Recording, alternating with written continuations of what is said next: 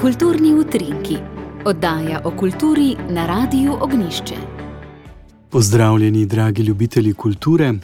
Fotograf Stojan Kerbler je mestni občini Ptuj daroval 1650 fotografij iz svojega dolgoletnega ustvarjalnega opusa. Podarjene fotografije bodo omogočile odprtje kabineta Stojana Kerblerja v stavbi na Preširnovi 29, kjer je tudi sedež galerije mesta Ptuj.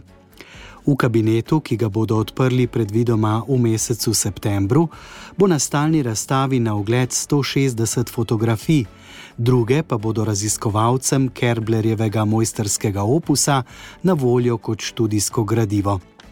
Stojan Kerbler živi in dela na Ptuju in pa na Ptujski gori, ter je od leta 2008 častni občan mestne občine Ptuj. Leta 2020 je za življensko delo na področju fotografije prejel tudi veliko preširnovo nagrado. Ob podpisu pogodbe županjo Nuško Gajšek je povedal, da so bile fotografije ustvarjene v tem okolju, zato je seveda logično, da ostanejo v tem prostoru. Muzeji Radovliške občine pa so ob stoletnici rojstva skladatelja Uroša Kreka v drugem nadstropju Radovliške graščine odprli njegovo spominsko sobo. Nova stalna razstava je nastala na podlagi opreme in predmetov, ki jih je mestni muzej Radovlica dobil iz delovne sobe skladatelja.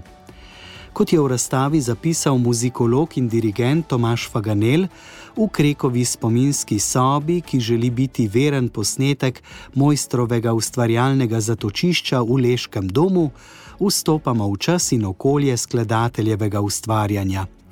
Pojasnil je še, da v glasbenih začetkih Uroša Kreka, ki se je rodil v Ljubljani 22. maja leta 1922, vemo bolj malo. Po študiju slavistike in diplomah iz dirigiranja ter kompozicije pa je delal v glasbenem programu takratnega Radia Ljubljana, bil je raziskovalec glasbeno-narodopisnega inštituta in pol drugo desetletje profesor kompozicije na Ljubljanski akademiji za glasbo. Že s prvimi skladbami je zarisal svoj skladateljski kredo z močjo in ostrino, od katerih ni nikoli odstopil. Uroš Krek sodi med najvidnejša imena slovenske glasbe po drugi svetovni vojni. Njegove orkestralne in komorne skladbe, pesmi s klavirjem in zborovske skladbe so zdaj del antologije in trajna last slovenske glasbe, je še izpostavil muzikolog in dirigent Tomaš Faganel. Uroš Krek, ki je od leta 1979 živel v Lescah in je bil radovliški častni meščan, je bil od leta 1997 tudi častni član Društva ljubiteljev stare glasbe Radovlica. To vsako leto organizira tradicionalni festival Radovlica in zato so tudi Krekovo spominsko sobo odprli prav ob začetku 40. festivala Radovlica.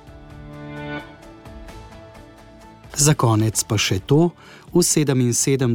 letu starosti je umrl vsestranski likovni ustvarjalec Kostja Gatnik.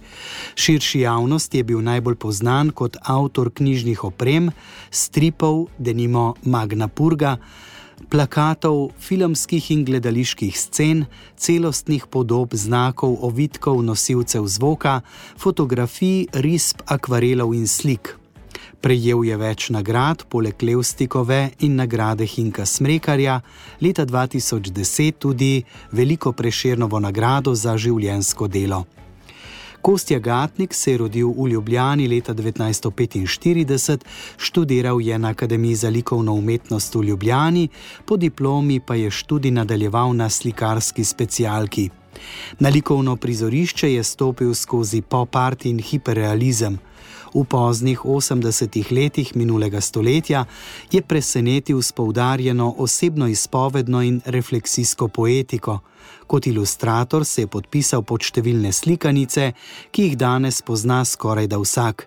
Tako je denimo likovno podobo dal junakom slikanice Jurek Kvak, Saše Vegri, ustvaril pa je tudi škrata Gala iz Narodne galerije. Če je bil nenehno navzoč v grafični in knjižni produkciji s karikaturo, stripom, plakatom, ovitki nosilcev zvoka, knjižni opremi in ilustraciji, pa je slikarski opus pokazal le izjemoma. Kot je ob priložnosti pojasnil, je bilo tako verjetno zato, ker je slikal samo zase. Kostjo Gatnika so pokopali v družinskem krogu. Toliko v današnjih kulturnih utrinkih, pripravil sem jih Jože Bartol.